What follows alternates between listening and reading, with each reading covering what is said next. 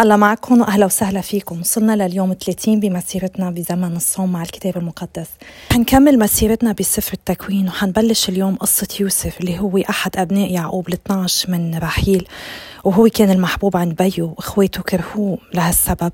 رح نشوف شو عملوا فيه ونشوف كيف ربنا استعمل الشر اللي عملوه إخواته لحتى يجيب منه خير أعظم. رح نتعلم من حياة يوسف طريق الألم إنه حتى لو كنا مظلومين ربنا بينصر بالآخر. ومن اليوم ولا ننتهي بسفر التكوين رح نحكي عن يوسف. تلت كتاب التكوين مخصص لقصة يوسف. وهذا الشيء بيلفت الانتباه لأنه عكس إبراهيم وإسحاق ويعقوب سلسلة يسوع نسله على هالأرض ما بيمرق بيوسف. يسوع بيجي من سلسلة خيو ليوسف يهوذا. ليش في تركيز هالقد على إنه ينكتب 13 فصل عن قصة يوسف؟ يمكن لأنه لازم نتذكر ونفهم إنه من خلال كل الكتاب المقدس من خلال اللي عم نقراه بسفر التكوين ربنا عم بيروي خبرية الفداء. عطول عم بيجرب يدلينا على المخلص ابنه. إذا كان عنا عينين تقشع. رح نشوف هلأ بقصة يوسف بهالأيام اللي جاية قديش في باراليل بين حياة يوسف وحياة الرب يسوع. يوسف هون بدلينا على المخلص الحقيقي اللي هو الرب يسوع. رح نكمل اليوم سفر التكوين فصل 37 ورح نختم رسائل مار يوحنا. سفر التكوين الفصل السابع والثلاثون وسكن يعقوب في الأرض التي نزل فيها أبوه في أرض كنعان. سيرة يوسف. يوسف وإخوته وهذه سيرة يعقوب لما كان يوسف ابن سبع عشرة سنة وكان يرعى الغنم مع إخوته وهو شاب مع بني بلها وبني زلفة امرأتي أبيه أخبر يوسف أباهم عنهم خبرا شنيعا. وكان إسرائيل يحب يوسف على جميع بنيه لأنه ابن شيخوخته فصنع له قميصا موشا ورأى إخوته أن أباه يحبه على جميع إخوته فأبغضوه ولم يستطيعوا أن يكلموه بمودة. ورأى يوسف حلما فأخبر به إخوته فازدادوا بغضا له. قال لهم اسمعوا هذا الحلم الذي رأيته. رأيت كأننا نحزم حزما في الحقل فإذا حزمتي وقفت ثم انتصبت فأحاطت حزمكم بحزمتي وسجدت لها. فقال له إخوته أتراك تملك علينا أو تتسلط علينا؟ وازدادوا أيضا بغضا له بسبب أحلامه وأقواله. ورأى أيضا حلما آخر فقصه على إخوته وقال رأيت حلما أيضا كأن الشمس والقمر وأحد عشر كوكبا ساجدة لي. ولما قصه على أبيه وإخوته وبخه أبوه وقال له ما هذا الحلم الذي رأيته؟ أترانا نأتي أنا وأمك وإخوتك فنسجد لك إلى الأرض؟ فحسده إخوته وأما أبوه فكان يحفظ هذا الأمر. يوسف يبيعه إخوته. ومضى إخوته ليرعوا غنم أبيهم عند شكيم فقال إسرائيل ليوسف ألا يرعى إخوتك عند شكيم؟ هلم أرسلك إليهم. فقال له ها أنا ذا. فقال له امضي فافتقد سلامة إخوتك وسلامة الغنم وأتني بالخبر. وأرسله من وادي حبرون فأتى يوسف شكيم. فصادفه رجل وهو تائه في الحقل فسأله الرجل قائلا عما تبحث؟ قال أبحث عن إخوتي أخبرني أين يرعون. فقال الرجل قد رحلوا من ها هنا وقد سمعتهم يقولون نمضي إلى دتائين. فمضى يوسف في إثر إخوته فوجدهم في دتائين. فلما رأوه عن بعد قبل أن يقترب منهم تآمروا عليه ليميتوه. قال بعضهم لبعض ها هو ذا صاحب الأحلام مقبل والان تعالوا نقتله ونطرحه في إحدى الأبار ونقول إن وحشا افترسه ونرى ما يكون من أحلامه. فسمع رأوبين فخلصه من أيديهم قائلا لا نقتل نفسا. وقال لهم رأوبين لا تسفكوا دما اطرحوه في هذه البئر التي في الحقل ولا تلقوا أيديكم عليه. ومراده أن يخلصه من أيديهم ويرده إلى أبيه. فلما وصل يوسف إلى إخوته نزعوا عنه قميصه القميص الموشى الذي عليه وأخذوه وطرحوه في البئر وكانت البئر فارغة لا ماء فيها ثم جلسوا يأكلون. ورفعوا عيونهم ونظروا فإذا بقافلة من الإسماعيليين مقبلة من جلعاد وجمالهم محملة صمغ قطاد وبلسانا ولذانا وهم سائرون لينزلوا بها إلى مصر. فقال يهوذا لإخوته ما الفائدة من أن نقتل أخانا ونخفي دمه؟ تعالوا نبيعه للإسماعيليين ولا تكون أيدينا عليه لأنه أخونا ولحمنا. فسمع له إخوته فمر قوم مديانيون تجار فانتشلوا يوسف وأصعدوه من البئر وباعوه للإسماعيليين بعشرين من الفضة فأتوا بيوسف إلى مصر ورجع رأوبين إلى البئر فإذا يوسف ليس في البئر فمزق ثيابه. ورجع إلى إخوته وقال الولد ليس موجودا وأنا إلى أين أمضي؟ فأخذوا قميص يوسف وذبحوا تيسا من المعز وغمسوا القميص في الدم وبعثوا بالقميص الموشى وأوصلوه إلى أبيهم وقالوا وجدنا هذا انظر أقميص ابنك هو أم لا؟ فنظر إليه وقال هو قميص ابني وحش ضار أكله افترس يوسف افتراسا ومزق يعقوب ثيابه وشد مسحا على حقويه وحزن على ابنه اياما كثيرة وقام جميع بنيه وجميع بناته يعزونه فأبى أن يتعزى وقال إني أنزل حزينا إلى ابني إلى مثوى الأموات. وبكى عليه أبوه. وباعه المديانيون في مصر لفوطفار خصي فرعون ورئيس الحرس. الفصل الأول والوحيد من الرسالة الثالثة للقديس يوحنا. سلام. مني أنا الشيخ إلى غايوس الحبيب الذي أحبه في الحق. أيها الحبيب أرجو أن توفق في كل شيء وأن تكون صحتك جيدة كما أنك موفق في نفسك. ثناء على غايس.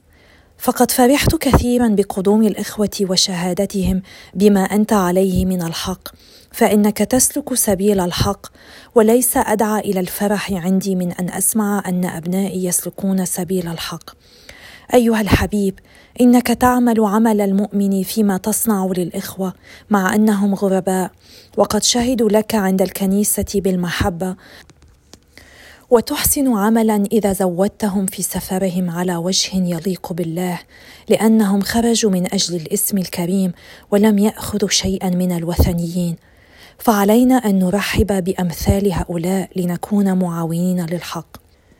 سيرة ديوتريفوس كتبت بكلمة إلى الكنيسة ولكن ديوتريفوس الذي يرغب أن يكون رئيسا عليهم لا يقبلنا فإذا قدمت ذكرت ما يعمل من السيئات فيهري في أحاديثه الخبيثة عنا ولا يكتفي بهذه الأحاديث بل هو لا يقبل الإخوة ويمنع الذين يريدون أن يقبلوهم ويطردوهم من الكنيسة. أيها الحبيب لا تمتثل الشر بل الخير من يعمل الخير فهو من الله ومن يعمل الشر لم ير الله. شهادة لديمتريوس. أما ديمتريوس فجميع الناس يشهدون له ويشهد له الحق نفسه ونحن أيضا نشهد له وتعلم أن شهادتنا حق. الخاتمة. عندي أشياء كثيرة أكتب بها إليك فلا أريد أن أجعلها حبرا وقلما. لكني أرجو أن أراك بعد قليل فنشافه بعضنا بعضا. السلام عليك. يسلم عليك الأصدقاء. سلم على الأصدقاء. كل واحد باسمه. بسم الآب والابن والروح القدس الإله الواحد. آمين. نشكرك يا رب من سبحك من مجدك. أنت معطي كل العطايا أنت اللي بتحبنا حب ما له حدود. أنت اللي عندك الكثير تقلنا إياه يا رب. بس إذا نحن بنعرف كيف نصغي لك أعطينا النعمه يا رب. هيك نخصص وقت كل يوم إن نكون معك نتأمل بكلمتك نحكي معك ونسمع لك يا رب لحتى تغيرنا لحتى نقدر نشهد لك أكثر يا رب. آمين. بسم الآب والابن والروح القدس إله واحد. آمين. يعني بكل هالقراءات اللي عم نعملها بسفر التكوين عم نشوف قديش في انكسار قديش في ضعف بشري قديش هالإنسان عن جد هيك عبد للخطية بطريقة أو بأخرى. نشوف اليوم غيرة اخواته ليوسف منه شو عملت. نعرف إنه يوسف كان هو المفضل عند آه، يعقوب وهذا الشيء إذا بتتذكروا بالفصل 33 لما راح يعقوب ليتلاقى مع خيه عيسو وفزع من إنه عيسو يكون جاي ليقتله قسم نسوانه وأولادهم لأقسام. آخر شيء حطهم كان يوسف آه، وراحيل لأنه بده يحميهم يكونوا بالآخر ليأمن حمايتهم. أكيد من وراء كل هالأمور من وراء معاملة يعقوب ليوسف كانوا كتير ملاحظين الإخوة قديش هو محبوب أكتر عند بيو لأنه كان ابن شيخوخته وهيدا الشيء للأسف ولد غيرة عندهم. من هيك كتير مهم إنه الأهل يتجنبوا التفضيل بين الأبناء. بس لما بصير هيدا الشيء لازم يعملوا المستحيل ليقللوا من الانقسامات اللي بتودي إلها. يمكن الأهل ما بيقدروا يغيروا مشاعرهم نحو ابن مفضل عندهم خاصة لما هالابن بيكون عم بيضحي قدامهم والتاني مش سئلان بس فينا يغيروا تصرفاتهم نحو الابن التاني ويضلوا يحبوه ويضلوا يفرجوه إنه هو محبوب. ولما شعور الغيرة بيبلش عند أي شخص كتير مهم الإنسان يسيطر على هذا الشعور. مش بس نروح نعترف فيه إنما نطلب من الله النعمة. لنحب هيدا الشخص ولنشوف بهيدا الشخص إنسان فريد ومميز مثل ما أنا وكل شخص مخلوق على صورة الله فريد ومميز بمواهب معينة وما حدا بياخد من قدام حدا شي بالعكس كلنا هون لمهمة معينة ربنا حطنا على الأرض. كلنا إذا تعاوننا مع بعضنا بدل ما تنافسنا وبدل ما غيرنا من بعض واعتبرنا إنه إذا أنا هيدا الشخص كان بحياتي يعني أنا مش قادرة أعمل اللي أنا لازم أعمله. كذب مش مزبوطين لما أنا بقتنع إنه إذا حطينا إيد بإيد مع بعض قديش بنقدر سوا. نبني هالعالم بطريقة إيجابية أكثر نبني المجتمع ونبني كنيستنا. بنقري كمان أنه يوسف حلم حلمين وخبرهم لاخواته وأخواته زادوا غضب عليه لأنه هالحلمين كانوا بيوحي كأنه هو حيكون سيد عليهم. آه، يوسف كان هون عم بيزيد الطين بله يمكن عم بيكون متعجرف عم بيفكر حاله أهم منهم أو يمكن على بساطته ما بعرف. بس الشيء المهم اللي لازم نتعلمه منه إنه إذا الرب كان عم بيعمل كتير أشياء منيحة من خلالنا وإذا الرب عم بيسمح أن نكون ناجحين بحياتنا لازم نحكي عن نجاحنا بأسلوب بيعطي المجد لله لأنه بالنهاية مش بقوتنا نحن عم نعمل هالشي. كتير بنفكر إيه إنه جهودي أنا وأنا اللي عم بشتغل بس الحقيقة لو ما الله عم يعطينا النعمة ما فينا. رح نشوف من بعد ما إخواته الحقدين باعوه كعبد ليتخلصوا منه كيف بالفصل 41 رح يوصل إنه يعطي المجد لربنا بنجاحه. بنقرا هون كيف إنه لما شافوه من بعيد بلشوا يخططوا لقتله وبعدين قلعوه توبه وكبوه بالبير ولما شافوا بعدين المديانيين باعوه لإلهم لحتى يكون عبد بمصر. يعني هاللي صار معه ليوسف بفرجينا قديش يمكن كان مرفوض ومكروه من إخواته يمكن حس حاله متروك من الكل ما في حدا عم بيدافع عنه. نعرف إنه رعوبين ما كان بده يقتله بس للأسف رعوبين ما كان شجاع كفاية ليوقف إخواته. كان عنده الرغبة إنه يرجع يشيل خيه من البير ويخلصه بس للأسف ما لحق لأنه أخواته باعوه. منشوف هون هيك كتير باراليل كتير أشياء متوازية مع المسيح. مثلا هون يوسف قلعوا أخواته توبوا والمسيح بإنجيل القديس مرقس الفصل 15 الآية 20 بيقولوا بعدما أوسعوه سخرية نزعوا رداءه الأرجوان وألبسوه ثيابه. عملوا هالشي قبل ما ياخدوه ليصلبوه الفرق بين يوسف وبين يسوع بهيدي النقطة. يوسف كان ما عنده قدرة إنه يعمل شيء لأنه كانوا إخواته اللي عم يعملوا هالشي فيه. يسوع سمح للجنود إنه يعملوا هالشي فيه. يوسف انكب ببير يعني نزل لتحت والمسيح نزل لعمق الأرض لمثوى الأموات. تعليم الكنيسة الكاثوليكية رقم 631 635 بيفسروا لنا ليش يسوع نزل لأسفل الأرض. بيقولوا إنه في فصحه فجر الحياة من أعماق الموت. لقد انحدر المسيح اذا إلى أعماق الموت لكي يسمع الأموات صوت ابن الله والذين يسمعون يحيون. فيسوع مبدئ الحياة. أباد بالموت من كان له سلطان الموت. أعني إبليس. يعني من عم الموت الرب يسوع خلى الحياة تنبثق وبيقلنا تعليم الكنيسة بالرقم 633 مقر الأموات الذي انحدر إليه المسيح يدعوه الكتاب المقدس بالجحيم أو الشيول أو الهداس لأن الموجودين فيه محرومون من رؤية الله. يعني رب يسوع لما نزل لمثوى الأموات اختبر شو هني عم يختبروا وكان محروم من رؤية الله. ويوسف لما كان عريان ومجرح ومكبوب بأعمق هيدا البير ما كان قادر يشوف دليل على وجود الله يعني كان محروم بطريقة من رؤية الله. كل شيء يمكن كان عم بيطلع فيه كان عم بيفرجيه قد وضعه ميؤوس منه. ما كان قادر يشوف كان بس في آمن. والإيمان هو إن نكون أكيدين إنه الله عم بيشوفنا حتى لما نحن ما فينا نشوفه. برسالة للعبرانيين الكاتب بيقلنا الإيمان هو الثقة بأن ما نرجوه لابد أن يتحقق والاقتناع بأن ما لا نراه موجود حقا. وبهذا الإيمان كسب رجال الله قديما شهادة حسنة أمام الله وأمام الناس. يعني لما منا قادرين نشوف دليل على الله عم يشتغل بحياتنا لازم نطلع على يوسف ونطلع أكثر ليسوع. كمثال إلنا أن نلحقهم لأنه لما كانوا محرومين من رؤية الله ضلوا ثابتين باللي بيعرفوه عن الله. ما شكوا بقوة الله اللي قادر يخلصهم من أي مأزق. إذا قوة الله كافي لتغلب الموت هيدا الشي بيكفي يساعدنا نفهم إنه ما في شي بقوة الله ما فينا نغلبه مهما كان صعب. علينا نركز عينينا على الصليب. منشوف إنه الصليب اللي كان هو مشروع فداء كتير كبير ومش هين وكتير مؤلم منه انبثق نور القيامة لنا كلنا نور الحياة الأبدية لكل إنسان بيقبل الرب يسوع. يوسف لما ننباع كعبد بدلينا كمان على المسيح اللي هو أنا بإنجيل قديس مرقس الفصل العاشر الآية 45 فحتى ابن الإنسان قد جاء لا ليخدم بل ليخدم ويبذل نفسه فدية عن الكثيرين. ومار بولس برسالته لأهل فيليب الفصل 2 الآية 6 ل 8 بأن إذ إنه وهو الكائن في هيئة الله لم يعتبر مساواته لله خلصة أو غنيمة يتمسك بها بل أخلى نفسه متخذا صورة عبد صائرا شبيها بالبشر وإذ ظهر بهيئة إنسان أمعن في الاتضاع وكان طائعا حتى الموت موت الصليب. يوسف ما كان عنده خيار لما انباع كعبد بس الرب يسوع اللي هو إله قبل أنه يخلي ذاته وياخد شكل عبد ليخلصنا. منشوف كمان كيف غيرة إخواته ليوسف بتدلينا على غيرة الفريسيين ورجال الدين الكهني بهيديك الأيام من المسيح ومن هيك قرروا إنهم يخططوا لقتله. رح نشوف بعدين كيف خطة هالإخوة ودت لخلاصهم خلاص الشعب الإسرائيلي مثل ما حنشوف كيف خطة الكهنة ودت لخلاص البشرية كلها.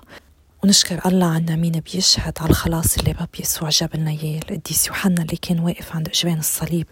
اليوم عم نقرأ آخر رسالة له اللي هي قصيرة كمان مثل الرساله الثانية فصل واحد. فيها مدح غايوس على ضيافته للغرباء وشجعهم بحياتهم المسيحية السليمة. بتفرجينا هيدي الرسالة لمحة مهمة عن حياة الكنيسة الأولى. كيف كان عندهم هالحاجة لضيافة المبشرين المتجولين وغيرهم المؤمنين. وبتحذر كمان من اللي بيتسلطوا على الكنيسة. ما بنعرف الكثير عن جايوس بس بنعرف إنه شخص أحبه يوحنا ويمكن استضاف يوحنا ببيته من قبل خلال إحدى رحلات القديس يوحنا. إذا هيدا الشيء مزبوط يمكن من هيك يوحنا بيقدر أعمال جايوس للمبشرين المتجولين اللي بيعتمدوا بمعيشتهم على الضيافة. كان يوحنا مهتم بخير وصلاح جايوس ماديا وجسديا وروحيا. وهيدا بناقض تماما الهرطقة اللي شاعت بهيديك الأيام واللي كانت بتنادي بالفصل بين الروح والمادي وبتحتقر الجانب المادي من الحياة. للأسف آه، في لليوم البعض من الناس بيوقعوا بنفس طريقة التفكير. بيأدي هالموقف الغير مسيحي منطقيا لرد فعل من اثنين.